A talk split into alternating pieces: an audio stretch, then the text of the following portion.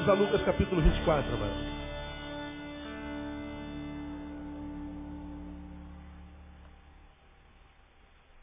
No dia 5 de julho, no culto da manhã, eu comecei uma série de ministrações que eu denominei A Vida Sem Perdas de Tempo.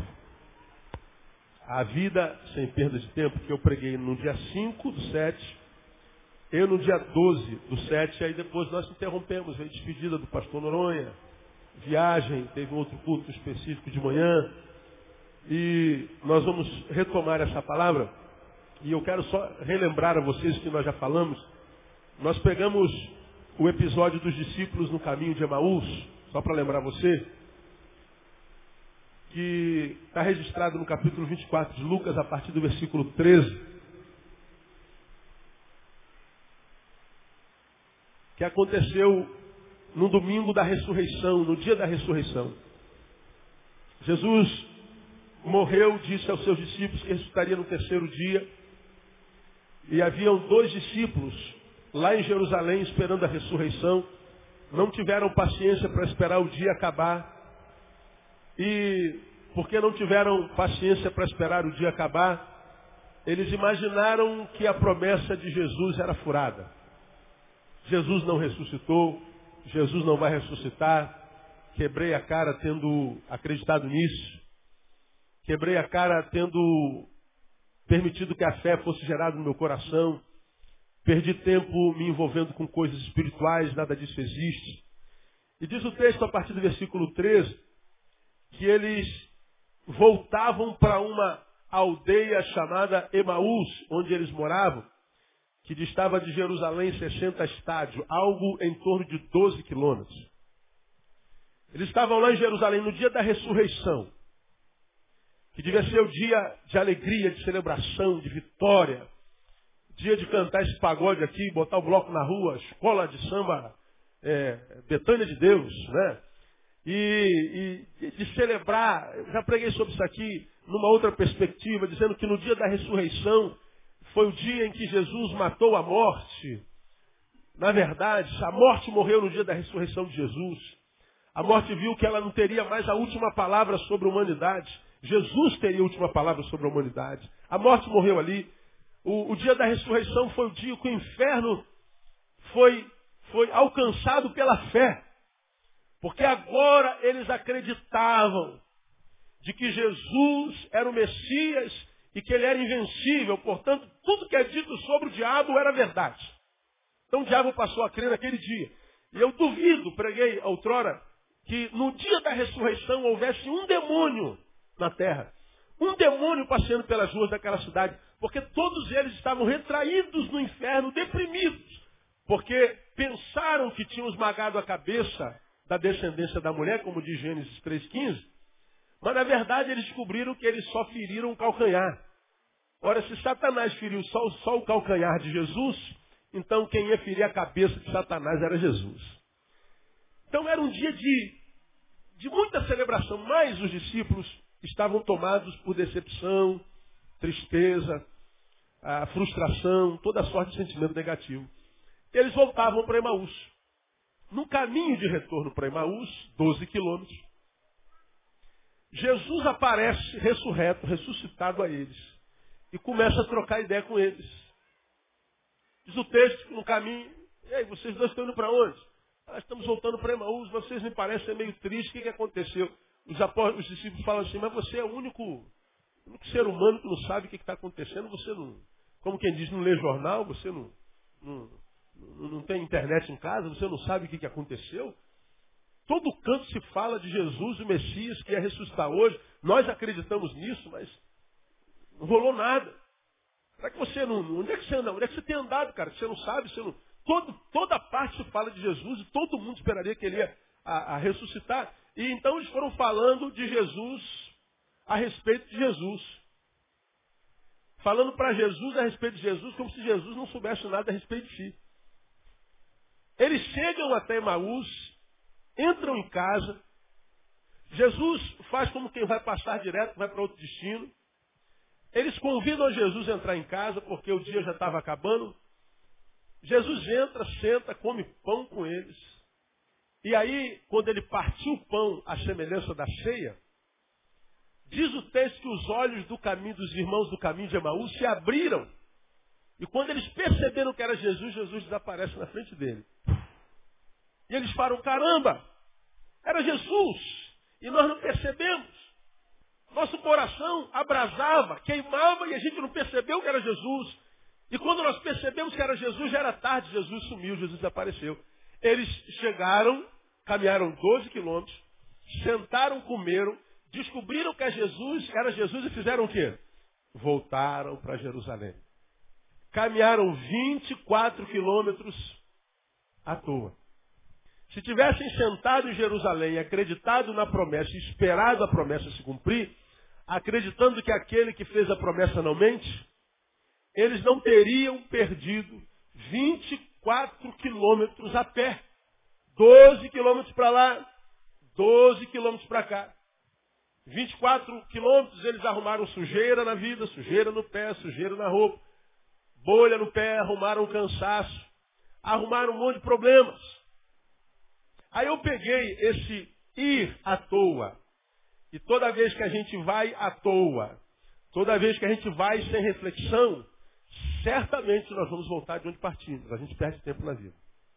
Qualquer atitude irreflexiva na vida vai nos levar a algum lugar. E a gente incorre em dois erros graves e muitas vezes não tem cura. Quando a gente vai sem reflexão, quando a gente vai sem sabedoria, a gente vai chegar a um lugar.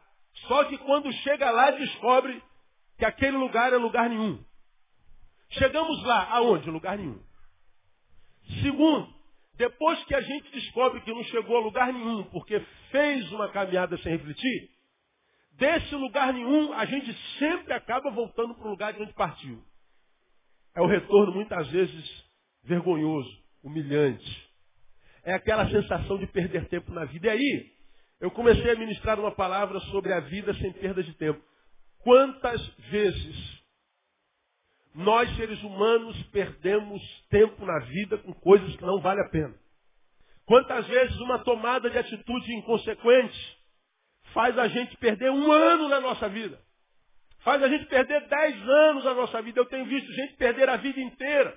E cai naquela desgraça, vocês se lembram que eu preguei aqui algumas vezes. Pessoas nascem, morrem, sem ter vivido. Pessoas que chegam no final da vida, olham para a vida e falam assim, cara, o que, que, eu vim fazer aqui, meu? Minha vida não, teve sentido nem uma hora. Minha vida foi um equívoco, minha vida foi uma perda de tempo. Minha vida foi uma, uma idiotice. Quanto tempo perdido na vida? Foi o que aconteceu com esses dois discípulos no caminho de Emaús decepcionados, frustrados e impacientes, não souberam esperar, voltaram para Emaús, caminharam 12 quilômetros.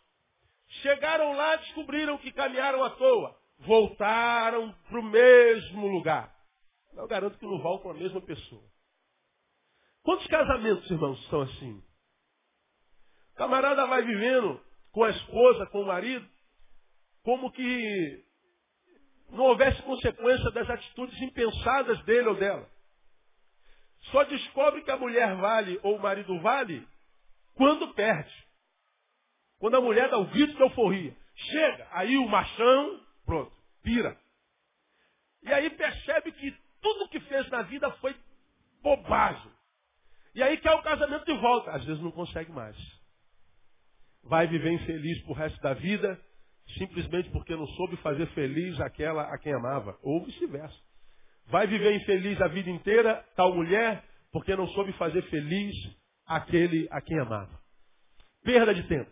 Nós vivemos num tempo, irmãos, em que nós não podemos mais perder tempo na vida, nós não temos tempo para perder. Alguém disse, alguns, muitos anos atrás, que tempo é dinheiro. E se é dinheiro, a gente não pode perder. Então nós começamos a fazer uma, uma ministração e demos alguns exemplos de quanta gente a gente se encontra no caminho perdendo tempo. Naquela semana eu falei com vocês, já repeti isso, é, fizemos a somatória das horas que existem numa semana. Quantas horas tem uma semana mesmo? Me lembrem. Cento e? 68. E eu perguntei para vocês, quantas horas dessa semana você viveu de verdade? E quantas horas dessa semana você jogou fora com bobagem?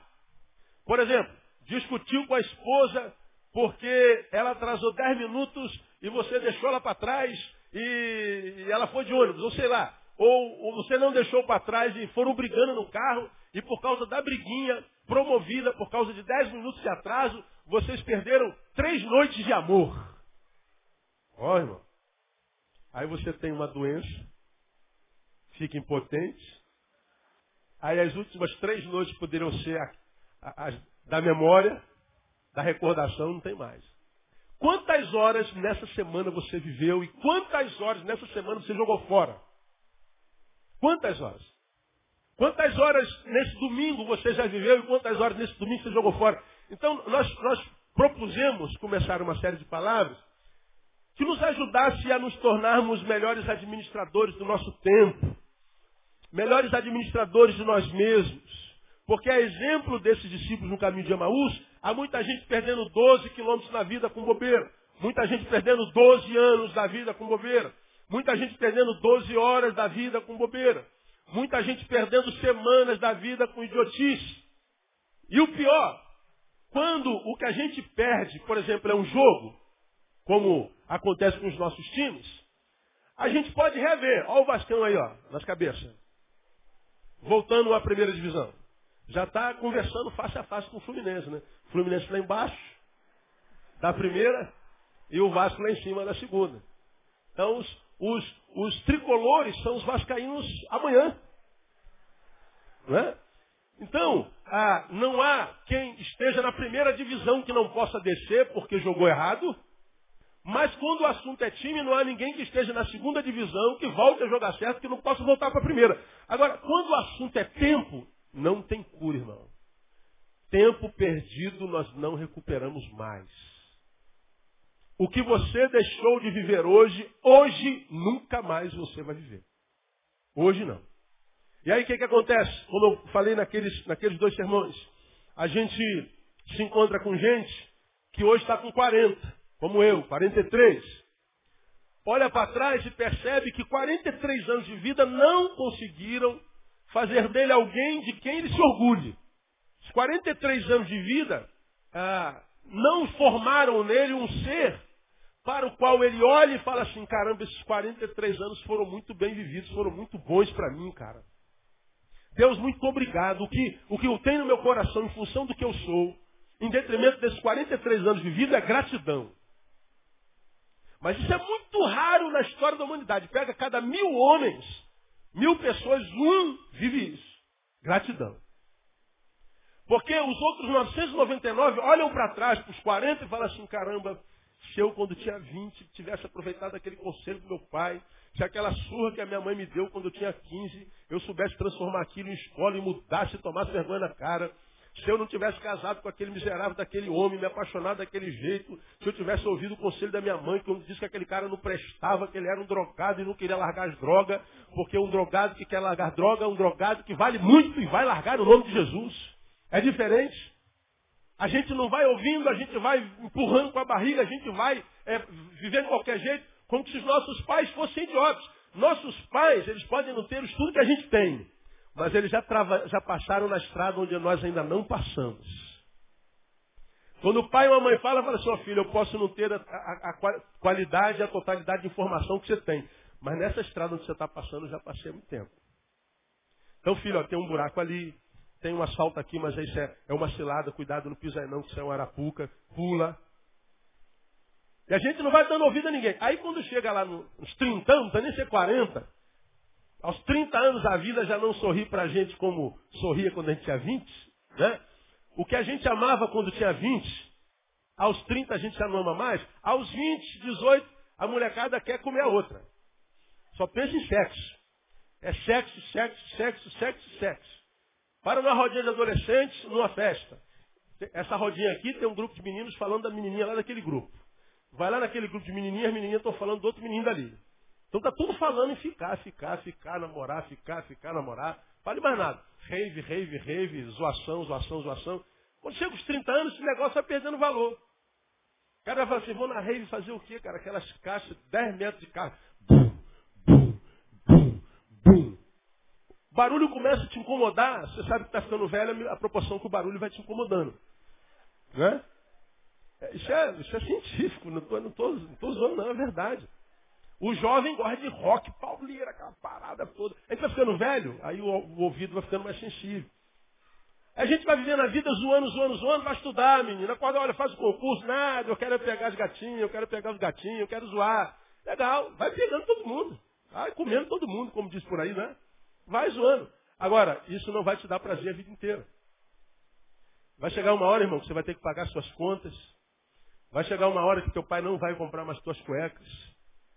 Vai chegar uma hora, meu irmão, que até o prato que você vai comer em casa vai incomodar teu pai e tua mãe, porque você já está com vinte e poucos. E você vai acabar se tornando inimigo dos teus pais, achando que teu pai não te ama mais. Não, teu pai te instou a estudar, mas você não quis, achando que ia ser adolescente para sempre. E aí quando chega aos 30, não consegue emprego em lugar nenhum. Aos 40 está em depressão porque não consegue emprego em lugar nenhum. Ah, pastor, fui lá, o cara queria me pagar 600 reais. 600 reais? Pega, filho. Quer muito. Fez o que para ganhar mais que isso? Nada. Por que, que as portas? Porque você não estudou. Onde é que você estava quando tinha 20 anos de idade? Ah, eu estava comendo todo mundo, pastor. Pois é, agora a vida te come. É isso. Você é um objeto de consumo, você é massa de manobra. Agora, ainda há esperança aos 40 anos, porque quando o cara chega aos 40 anos, ouve o pastor pregar isso aqui, fica com raiva de mim. Eu não estou pregando para te aborrecer, não, é para te fazer acordar, cara. Você que está dormindo aos 20, vai estudar, meu irmão. Namora menos, dorme menos, acorda mais cedo. Que aí quando chegar aos 40, você tem grana para comprar o teu carrinho, tua casinha. Levar aquela namorada por quem você se apaixonou e casou com ela, já está casado um monte de tempo para comer na parmê, para ir no porcão tirar uma onda de vez em quando, ver um cineminha, mané. Tirar férias, ir para a região dos lagos, aí dá tempo. Agora, você inveja quem tem isso, mas não quer trabalhar para ter isso. Perde tempo na vida. Então nós começamos uma série de palavras para nos ensinar a não perder tempo na vida, irmão. Nós não temos tempo para perder.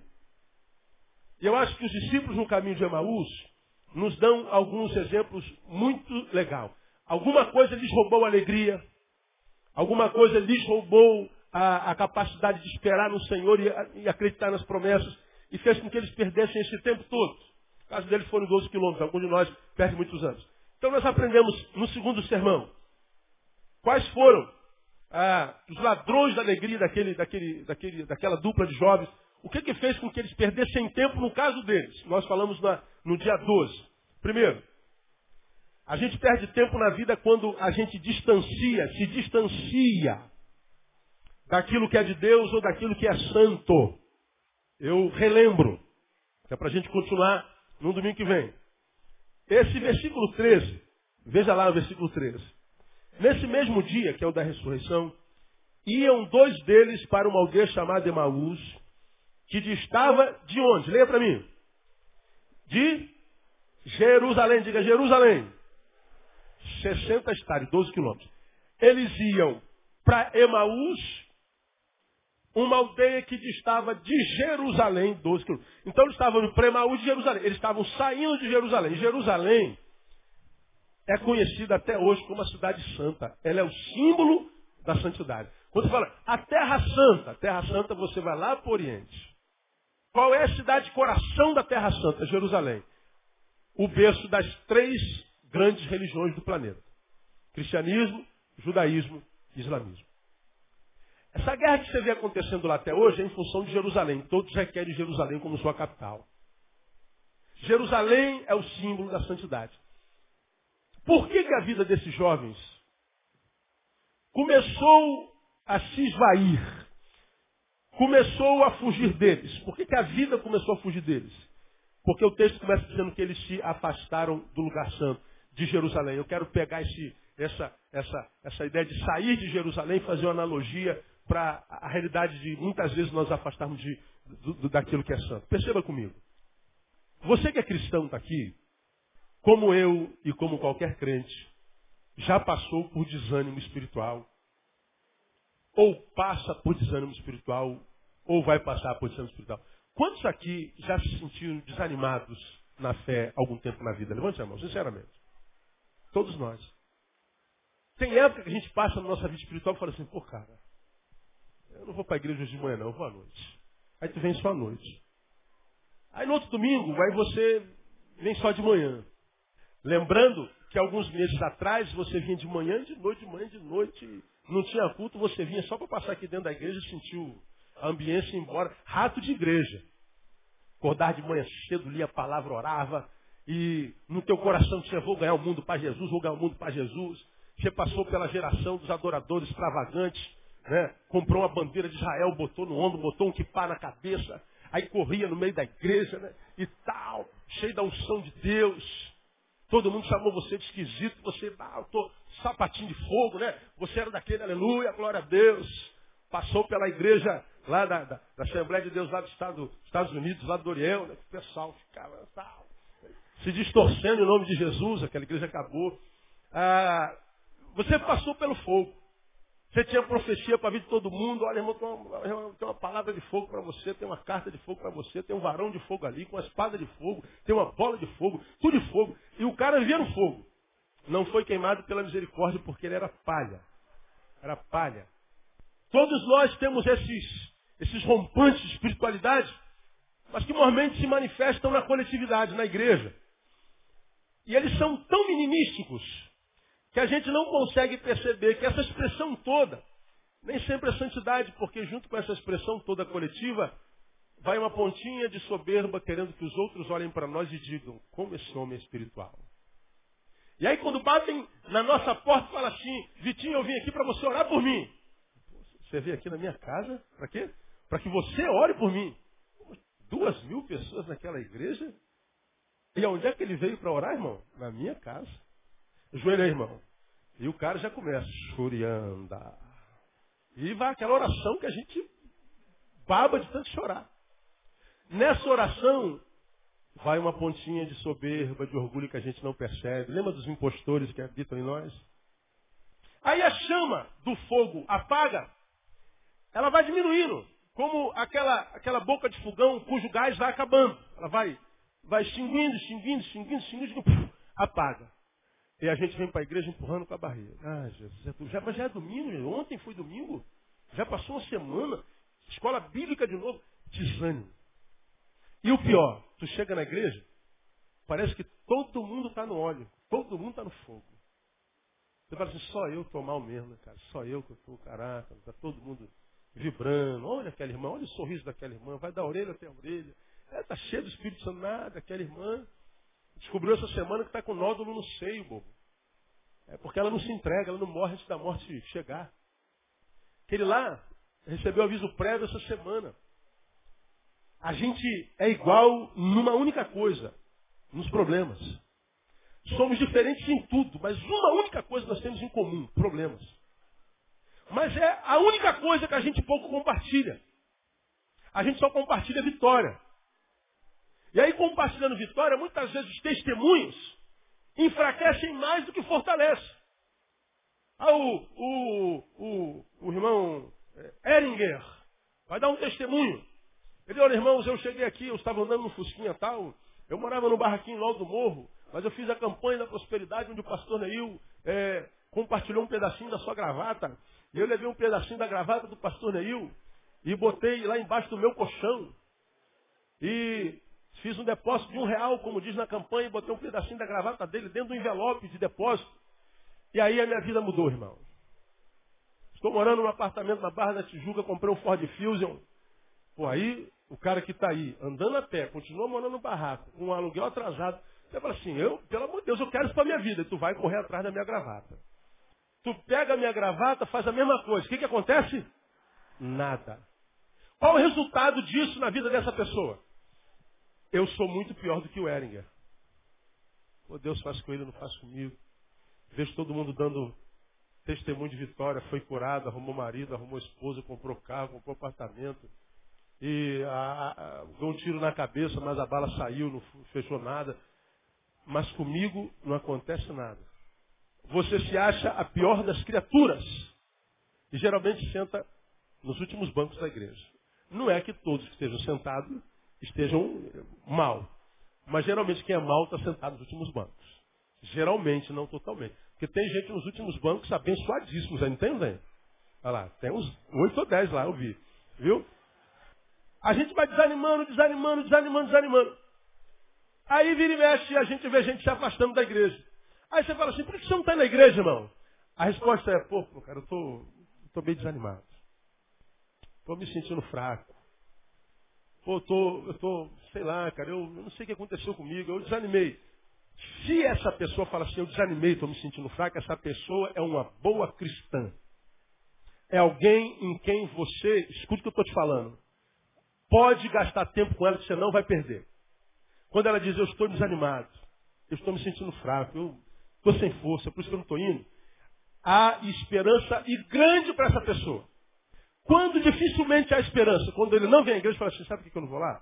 Por causa do Lenilson. Não gosto da guitarra do Lenilson. Eu não consigo ver Lenilson. Aí eu não vou lá por causa do pastor. Não, não vou lá porque eu desanimei, o irmão estava no culto de boné. Eu não aceito isso. Não, não estou indo mais para a igreja porque o som está alto, porque o tabernáculo é quente, porque o templo é frio. Eu não vou lá porque o João está lá, enquanto o João estiver lá eu não vou. Eu não vou lá porque o irmão é cabeludo. É, ele não vai e diz que o culpado é sempre outro. Esse é um crente ruim. Porque ele está fraco, não assume a fraqueza, não assume as suas próprias posturas, é o que é e diz que o culpado de ser o que é é o outro. Com esse perder tempo é quase certo. Claro que Deus faz milagres, mas geralmente a gente perde tempo com quem busca culpados para a vida. O fato é que todos nós passamos por desânimo. Eu passo por desânimo. Tem vezes que eu não tenho vontade de vir para a igreja. Tem vezes que, como eu já preguei aqui outrora, que eu venho para a igreja e aqui atrás dessa porta eu sou um. Estou aqui atrás e vocês estão aí. E se houvesse microfone meu pensamento, vocês ouviriam o meu pensamento da seguinte forma. Oh Deus, tem que entrar de novo aqui nesse púlpito. Estou cansado, sobrecarregado. Deu nem tempo de eu estudar o sermão essa semana direita. Se eu pudesse com um sol desse, eu estava na Barra da Tijuca, tomando água de coco e vendo as esculturas que o Senhor criou no universo. Mas eu estou aqui, eu tenho que entrar. E eu entro, sento ali, abaixo minha cabeça e falo, Senhor, Senhor, tem misericórdia de mim. Aí acaba, dá 10 horas em ponto, eu vim para cá. Bom dia, igreja. Quero saudá-los com a graça e a paz do Senhor Jesus. Amém? Não sei se já lhe informaram, essa manhã vai ser uma bênção na sua vida. Aleluia! E pior que é uma bênção, mano. Não, não é? Agora, eu poderia muito bem é, não dizer isso aqui, como muitos colegas dizem, se você compartilha fraqueza, você perde o respeito da igreja. É o contrário. Quando nós compartilhamos fraqueza, sabe o que, que acontece? Entre você e eu é um abismo muito menor. Você percebe que não acontece só contigo. Você acontece com um poderoso Neil. Não pode acontecer comigo? Pode. Acontece com qualquer um. Acontece com Jesus. Olha, meu filho, não quero mais saber de bezerro morto, de vaca morta, de, de, de animal morto. Eu estou cansado das reuniões do meu povo, não aguento mais aquilo. Você vai encarnar, vai se transformar em gente. E você vai remir o, a, aquela gente que está lá. Jesus diz, Efésios, Filipenses capítulo 2, esvaziou-se a si mesmo e veio, tomou a forma de servo. Foi obediente até a morte, morte e cruz. E quando João viu, Jesus diz, eis o Cordeiro de Deus que tira o pecado do mundo. Jesus, quando veio, sabia para que veio. Sabia o que vinha passar. Mas nos momentos que antecediam a cruz, ele sobe num lugar chamado Getsemane e ora, Senhor, se for possível, afasta de mim esse negócio. Jesus desanimou. Jesus amarelou. Pastor, não fala um negócio desse. Sim. Se for possível, afasta de mim esse cálice. Se fosse possível e Deus pudesse afastar, Jesus tomava posse dessa oração. Diz que a agonia dele foi tão grande, mesmo sabendo o que ia passar, que o seu suor se transformou em quê? Sangue. Agonia de alma. De alma. Jesus foi para o madeiro porque não era possível tirá-lo de lá, porque não tem outra forma de ser remido do pecado senão pelo sangue do cordeiro. Jesus disse, eu sou o caminho, eu sou a verdade, eu sou a vida. Ninguém vem ao Pai se não for por mim. Se não for por Jesus, não chega a Deus de jeito nenhum. Ele tinha que morrer lá. Como já preguei aqui, se houvesse uma outra forma de se chegar a Deus, e ainda assim Deus permitisse que o filho dele passasse por tudo aquilo, Deus não era Deus, Deus era o diabo. Por que, que Deus permitiu que seu filho passasse tudo aquilo? Porque não havia outro jeito. Só para pensar na. Você que está aqui, meu irmão, que não é cristão, que acha que tem outro jeito de chegar a Deus, cuidado, você pode quebrar sua cara, não há. Jesus também teve fraqueza, o que não é problema nenhum. Você já aprendeu que estar fraco não é pecado. O pecado é entregar-se à fraqueza sem luta. O pecado é deixar que o desânimo se torne senhor da minha história e da minha vida. Diz para você que toda vez, algumas vezes eu chego aqui e estou cansado e desanimado. Se eu pudesse, eu não via para a igreja. Num solzão desse, se eu pudesse, eu estava de Harley Davidson na praia.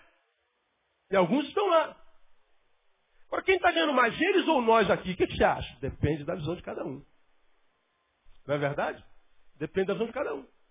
Agora, embora muitas vezes eu tenha chegado até ali assim, nunca deixei de sair dali para cá por causa de estar assim. Com desânimo ou desânimo, eu no meu caso, eu sempre cheguei aqui. Com desânimo ou desânimo, a missão precisa ser cumprida. Com vontade ou sem vontade, o que Deus colocou na nossa mão tem que ser desenvolvido. A Bíblia diz, tudo que vier à tua mão para fazer, faz-o conforme a tua força. Mas minha força está pequenininha. Faz com força pequenininha. É a força que você tem no momento. Ah, mas pastor, estou me sentindo fraco. Então agora entra o milagre de Deus. Você vai ver que quando você está fraco, então é que você está forte. Não há por que deixar de fazer a missão, irmão. Dá uma catucada no teu irmão e fala assim, a missão precisa ser cumprida de qualquer jeito. Qual era a missão dos discípulos? Ficar em Jerusalém. Qual era a missão dos discípulos? Acreditar na promessa. Qual era a missão dos discípulos no caminho de Emaús? Era não ir para Emaús. Era permanecer lá. Mas o que, que aconteceu com eles? Eles não cumpriram a missão. Eles se afastaram. Porque não cumpriu a missão, não teve jeito de perder o tempo na vida. Quantos de nós não perdemos tempo na vida porque nós estamos desanimados, nós estamos afastando do lugar santo? Irmão, ninguém anda no óleo 24 horas por dia. Ninguém fala língua estranha 24 horas por dia. Ninguém está querendo ganhar o mundo para Jesus 24 horas por dia. Tem dia que a gente quer ganhar gente para a gente, a gente não consegue. Tem dia que a gente acorda, olha no espelho da raiva. Agora, se eu, como ser que tem senso, tiver dos bons sensos o melhor, entender que a relação com Deus e com a espiritualidade não é uma relação de chama acesa a vida inteira, eu vou entender que chama acesa é semelhante a uma chama quase apagada. São questões de ponto de vista. Tem dia que a gente está com vontade de falar de Jesus para todo mundo, irmão. Enfiar Jesus, pega Jesus, enfiar na goela do marido, enfiar na goela da esposa, enfiar na goela do filho. Você tem que aceitar Jesus, seu carro. Como é que você não aceita Jesus? Mas tem época, cara, que você não consegue nem fazer uma oração. Você, você vai para o quarto, fecha a porta, vai orar, cadê que a tua boca abre, meu irmão? Você vai ler a Bíblia, você, você lê, lê, lê, fala assim, o que, que você entendeu? Eu não entendi nada. Você fala assim, pô, cara, o que, que adianta ler então se eu não entendo porcaria nenhuma? Aí tu vai se afastando da, da Bíblia. Você vai se afastando da oração. E o lugar onde você mais entende a Bíblia, onde mais recebe da palavra é na igreja. Mas aí começa a acontecer coisas, porque o diabo descobriu o teu ponto fraco. Você se acha bom demais, mas se acha, na verdade, quando se, quando, quando se vê, não se vê como quem se acha bom demais. Você diz assim, eu sou zeloso, pastor. Eu sou uma pessoa ética. Eu prezo pelos bons costumes e pela moral. Então quando eu chego lá, vejo um garoto na igreja de bermuda, eu não posso aceitar um negócio desse, pastor. Chego do outro lado, o outro está com tatuagem no braço, pastor, eu não posso aceitar um negócio desse. Eu chego lá no outro, está com um brinco na orelha, eu não posso aceitar um negócio desse. A minha, o meu senso crítico e moral não me permite, pastor. Pois é, você disse que é o teu senso moral que é aguçado. Mas na verdade, na verdade, o que há em você é um espírito soberba, de juízo muito grande, que você não consegue aceitar o outro como ele é. Não conseguir aceitar o outro como ele é, é uma declaração explícita de meninice. Você é um menino disfarçado de homem velho. Tanto é que essa minha palavra te incomoda. Porque quem cresceu, amadureceu, está nem aí para a vida do outro. Pastor, olha, esse menino está com, tá com um parafuso na orelha. De quem é a orelha, irmão? De quem é o parafuso? É dele, pastor. O que, que você tem a ver com isso? Nada. Então cala a boca, irmão. Mas cadê que você consegue calar a boca? E aí dentro da tua meninice disfarçada de moralidade, você então revela ao diabo o teu ponto fraco. O ponto fraco dele é o juízo. Então coloca a gente escandalosa perto dele o tempo inteiro. Que ele não vai conseguir e vai julgar. E julgando o tempo inteiro, ele cansa, cansando ele não vai mais. Pastor, eu não posso aceitar aquelas meninas que vão com a saia em cima do joelho. Como é que você sabe que está em cima do joelho? Anda olhando para a saia das meninas, não é, irmão? Como pode, pastor? Aquelas meninas aquelas calças arrochadas, igreja tem que ter decência e ordem. Pois é. Mas ele só se preocupa com a roupa das mulheres. O homem pode usar um, um relógio Rolex, pode usar um anelzão de ouro, pode parar até com a Ferrari ali, com aqueles ternos importados de Nova York. O homem pode, mas a mulher não. Na verdade, esse teu senso moralista que não se, se, se deixa corromper pela roupa das irmãs da sua igreja, nada mais é do que um tarado disfarçado. E se você fosse homem, você se olhar no espelho e falar assim, vamos falar sobre seus pensamentos, fulano. E aí você e você, no espelho, falando sobre o pensamento, você vai descobrir se você é melhor do que a irmã da sainha, ou se você é pior, ou se você é igual. Eu acho que igreja não é lugar para sainha. Não é lugar para a irmã vir com aquelas calças embaixo, que ela senta no, no banco, os cofrinhos ficam tudo aparecendo. A gente vem para a igreja escolhendo a bunda das pessoas. É. Eu, se eu sentasse atrás, eu jogaria uma moeda em toda a bunda que eu visse. É que eu não sento aí. É uma vergonha. A mulher se acha gostosa e quer mostrar na igreja que é gostosa. Você perde todo o respeito, irmã. Homens não casam com mulheres escandalosas. Homens usam mulheres escandalosas. Você nunca vai ser vista como uma mulher, você vai ser vista sempre como um pedaço de carne. Quando falarem de você, pô, aquela irmã é gostosa, né? Aí vão falar de você o tempo inteiro. Mas nunca vão falar assim, pô, aquela mulher é honrosa, né? Aquela mulher é admirável, né? Aquela pessoa é simplesmente o máximo. Não. Eles nunca vão ver a tua pessoa. Vão olhar para você e vão lembrar do pedaço de carne que você é. Mané. Está crente que está tá abafando. Oh, os homens me amam, os homens me... os irmãos da igreja estão sempre ao meu redor, não é ao redor de você não, da tua carne.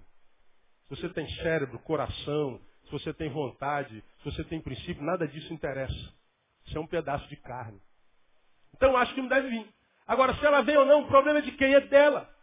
Eu não posso vir para a igreja que é um lugar santo, na nossa concepção, e deixar o lugar santo para olhar para o parafuso na orelha do outro, para o primeiro da saia da outra, para a forma como o outro adora, para a tatuagem do outro. Isso é deixar o lugar santo. Você vem para a igreja e na igreja não está na igreja. Você vem para a igreja e na igreja não é adorador, como lugar de Deus e julga, como aquele que julga as nações. Quando é que a nossa vida começa a se tornar uma perda de tempo? Quando nós somos roubados de nós mesmos. E quando é que nós somos roubados de nós mesmos? Quando o nosso eu nunca olha para si, mas o nosso eu está sempre preocupado com o eu do outro. Nós somos tão escravos do outro que somos dependentes da opinião dele a nosso respeito e nós não conseguimos deixar de imprimir opinião sobre ele. Quem é livre? E a Bíblia diz, se pois o Filho vos libertar, Verdadeiramente seres livres. Se fala de uma verdadeira liberdade, existe uma falsa liberdade. Quem é verdadeiramente livre não está nem aí para a vida do outro. O outro só é outro na vida dele se for para abençoar. Mas para julgar, não. Se eu não posso abençoar, amaldiçoar eu não vou. Cara, eu nunca usaria um parafuso na minha orelha. Agora, a orelha daquele irmão é dele. O problema é dele. Agora, quando é que a gente consegue fazer isso? Quando a gente cresceu, irmão. Quando a gente absorve a, a, a bênção que Paulo absorveu no caminho. Quando eu era menino, eu andava com o menino, falava com o menino, pensava com o menino. Mas quando cheguei a ser homem, o que, que ele fez então, irmão? Acabei com as coisas de menino. Ele está falando, precisamos aprender a viver as etapas da vida. Quando é menino, haja com o menino, mas pelo amor de Deus, não fica menino para sempre. E o menino está sempre reivindicando. O menino está sempre querendo, o menino está sempre querendo atenção. O menino está sempre dependente, temos que crescer, deixarmos de sermos dependentes para ajudar a outros. Isso é deixar o lugar santo. Então nós falamos isso nos dois sermões que nós começamos a falar sobre a vida sem perda de tempo. Então, essa série de sermões que a gente vai fazer agora, eu não viajo por esse só viajo agora no dia, no dia 4 de setembro, vou para Nova York. Fico cinco dias e volto. Então daqui para lá, acho que só fico um domingo fora, se eu não me engano. Se bem que tem como saber da minha agenda, entrando no site daqui, você vai saber se eu estou aqui domingo de manhã ou não. Então acho que agora só viajo em, em setembro acho que viajo uma vez só. Ah, em setembro, no máximo, no máximo duas. E eu não quero mais interromper essa palavra. Essa palavra é para ser humano que cresceu e não quer mais perder tempo na vida. Isso aqui é para quem está cansado de dar testada na parede e ver porta fechada. Isso aqui é para quem está cansado da vida que está levando. Essa palavra aqui é para quem está cansado de ir e ter que voltar toda vez. De começar um monte de projetos e não terminar nenhum deles. Isso aqui é para gente que terminou projetos e terminado o projeto não conseguiu ser feliz. Meu sonho é chegar lá, pastor. Pois é, você já está lá, não está? E lá, é feliz? Não, pastor, não sou feliz. Então chegou lá de alguma forma, tem alguma coisa errada no teu caminho. Porque pelo menos enquanto você tinha um sonho, meu sonho era chegar lá. Esse sonho funcionava a tua vida. Pois é, agora você já está lá. De lá para frente você vai fazer o quê? Se não tem mais sonho. Não basta chegar lá. Tem que chegar lá da forma correta para que em lá você saiba curtir o lá. Que agora é realidade, mas que até então foi sonho. Então, para quem não quer perder tempo na vida, e eu falo para vocês, nosso tempo acabou. Essa palavra parte do coração de um ser humano que está completamente decidido a não perder mais um segundo da vida. Estou falando de mim. Eu sou pastor há 19 anos. Portanto, ano que vem eu completo, completo a segunda década de, de vida pastoral. Sou pastor de uma grande igreja, de uma renomada igreja e tenho um grande nome no Brasil hoje, no mundo. Então, como pastor do naipe que do Neil chegou hoje, para a glória de Deus, eu não me vejo como nada disso, continuo Neilzinho de sempre. É, o, a visão deveria requerer de nós algumas posturas que se requerem de um pastor. O pastor tem que ser assim, o pastor tem que ser assado, o pastor tem que vestir assim, o pastor tem que falar assado, o pastor não pode fazer. Eu não estou nem aí para a opinião dos outros a respeito da função pastoral. Eu tenho dito por onde eu passo, eu só quero ser o que eu sou e ser o que eu sou da melhor maneira que eu possa ser. Quero ser o melhor Neil que o Neil possa ser. Por acaso o Neil é pastor. O Neil é pai. O Neil é irmão. O Neil é marido. O Neil é cidadão que paga imposto. O Neil é amigo, o Neil tem amigo, o Neil é motociclista, o Neil é um monte de coisa. O pastoreio é mais uma das minhas funções, é minha vocação. É aquilo para o que Deus me chamou enquanto dom no corpo. Agora, eu nunca vou permitir que esse PR deforme o Neil que eu sou. Nunca. Por uma simples razão. No Evangelho eu aprendo que a gente precisa remir o tempo. No Evangelho eu aprendo que aos homens está ordenado morrer uma única vez. Lembra que eu falei sobre isso no último sermão dia 12? Queria muito que o Espiritismo tivesse razão. Queria muito que a reencarnação fosse uma verdade. Eu queria muito que nós cristãos estivéssemos errados. Queria muito que a Bíblia pudesse ser rasgada, fosse uma bobagem e que a gente passasse pela vida acertando, errando, a gente ia poder nascer de novo, acertando, errando, íamos poder renascer de novo e quem sabe acertando melhor, aí nascer de novo, a gente ia ter uma outra chance. Ah, como eu queria, isso é muito cômodo. Não há doutrina mais cômoda no universo. Meu irmão, sua mãe morreu, alguém fala assim, não tem problema. É, vamos ali e você vai poder falar com a sua mãe. Aí vai lá na mesa, a mamãe está aqui. Aí o cara fala com a voz da sua mãe, mamãe, mamãe, você está bem, mamãe? Tô, meu filho, eu estou bem. Aí, quem não quer isso para a vida? Seu filho morreu. Ô filho, papai está dizendo, não, papai, fica bem, eu já estou no caminho da luz. Quem não quer isso para a vida, irmão? Ou então tu arrebentou, fez besteira a vida inteira, chegou aos 70, está olhando para trás, não fez nada que preste, não tem problema. Você vai nascer de novo. Vai ter uma nova chance. Quem não quer isso para a vida? Irmão? Quem não quer? Até eu queria. Eu queria muito. Queria poder rasgar esse livro e falar, isso aqui é mentira. Todo mundo vai nascer de novo. Não, pode fazer besteira. Você vai ter uma nova chance. Mas, irmão, a gente só tem uma vidinha para ver.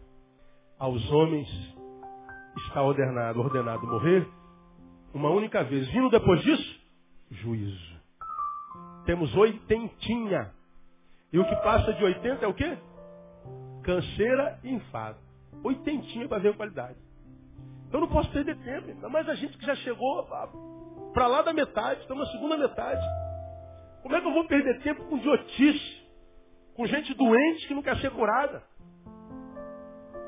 Como é que eu posso perder tempo com amizades que não acrescentam nada à minha vida? Como é que eu posso abrir mão de amar, compartilhar, de ser com alguém que é na minha vida há muito tempo? Como é que eu posso abrir mão de amizades que estão comigo há 30 anos? Porque não ligou para mim no dia do meu aniversário. Como é que eu posso abrir mão de amizades se amizades é uma coisa, são coisas tão raras hoje? Como é que eu posso abrir mão do essencial? De ver o pôr do sol, de ver o sol nascer, nem que seja uma vez por mês.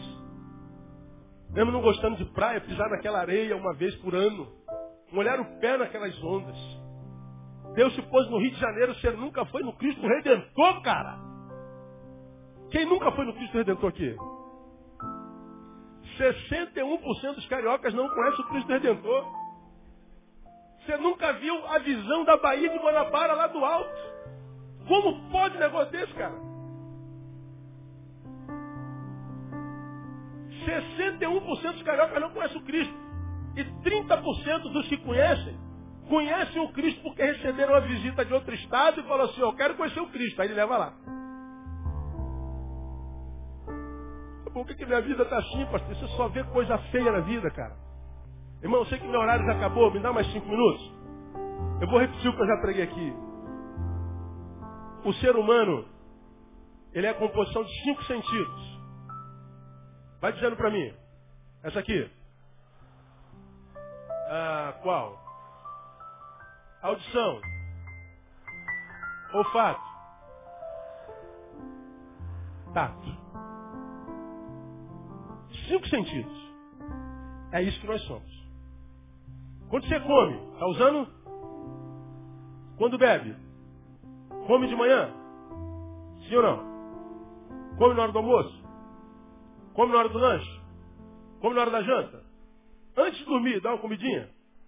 Paladar, você não morre. O paladar não morre de fome. Agora, teus olhos se alimentam toda manhã, toda tarde, toda noite. Tua audição se alimenta toda manhã, tarde e noite. Teu tato se alimenta toda manhã, toda tarde, toda noite? Não, né? Você só alimenta paladar. E não sabe que os teus olhos têm fome. Por isso a gente gosta de ver o belo. Por isso que a gente gosta de ver uma pessoa bem arrumada. Por isso que a gente gosta de ver um carro bonito. Por isso que, ah, às vezes, irmã, você chega em casa, muda a tua sala todinha de lugar. O móvel vai para lá, o, o, a, a televisão vai para lá, tua cozinha, a geladeira está aqui, o armário está lá. Você muda tudo por quê? Cansou de ver aquilo. Teus olhos estão com fome. Por isso que a gente vai viajar até a estrada, ver aqueles gado branquinho lá no pasto. Você vê aquele gado pastando, dá uma sensação de paz, não dá? Para mim é terapêutico. Seus olhos têm fome. Tua mulher, quando bota aquela lingerie, fome dos olhos. Nossos olhos precisam ver coisas novas. Nossos ouvidos precisam ouvir coisas novas. Gostamos de boa música. Gostamos de um bom papo. Ao mesmo passo que quando nós vemos gente falando besteira, pelo amor de Deus, cara, tô, tô forte. Porque agride o ouvido, está falando besteira. A gente gosta de boa música, gosta de bom papo. A gente gosta de ouvir o som dos pássaros. Nosso nariz tem fome. Porque cheiro de comida gostosa. Aquele cheiro não vai só no teu nariz, vai na tua alma. Bom perfume. Cheiro de mato quando a gente pega a estrada. Nosso nariz tem fome. Nós temos fome de abraços, de toques. Nós temos fome de relacionamento. Temos fome de um monte de coisa. E geralmente a gente só tenta sarar ou sanar a fome do tato no sexo. E não é só no sexo. Por que você acha que essa geração é tão dependente dele? É uma geração faminta. Aí você não sabe por que, que a vida está pesada. Qual foi a última vez que você deu comida para os teus olhos? Qual foi a última vez que você deu comida para o teu ouvido? Qual foi a última vez? Ah, pastor, eu, eu, nunca, eu nunca dei comida para o meu ouvido, se você quer saber. Eu ouço sempre aquela mesma música, aquela mesma rádio. Aquela irmã cantando batismo no, no ônibus. Eu ouço sempre a mesma coisa. É, você não vale nada, mas eu gosto de você. E eu gosto dessa música. Então vai tratando o seu ouvido assim. E você não sabe, está entrando. Está entrando. Está entrando. Está entrando. E o que entra formata o nosso ser. Lembra que a gente aprende com repetição? Coisas estão dentro de você há décadas que você nem sabe está aí. O tempo passa, o tempo voa. Eu vou passar. Eu vou passar. O labirinto faliu tem 30 anos, irmão. É, lembra que pregamos sobre isso aqui? Não adianta bater, que eu não deixo você entrar. As casas. Tem 30 anos que você não canta isso. Tá aí, ó. É só startar. Venha. Tá aí, forma, foi formatado dentro de você. O que você hoje ouve de formato, somos resultado do que ouvimos, somos resultado do que vemos, somos resultados do que sentimos, somos resultados do um do outro. Nós somos produtos do meio. Então, quer viver sem perder tempo? Alimenta o que você é. A composição dos cinco sentidos. Então, essa semana, pega seu, sua criança e vai lá para o alto e vai ver a Baía de Guanabara. Duvido que uns 300 de vocês não vão para o alto essa semana. É sábado que vem, alguma coisa. Quando chegar lá, lembra de mim e fala assim, Deus abençoe meu pastor. Demorei de viver esse negócio aqui. E traz uma lembrancinha lá do alto para mim, como gratidão por essa dica aí. Na semana que vem a gente continua. Deus abençoe você e vai viver a vida sem perda de tempo. Amém? Ficar em pé.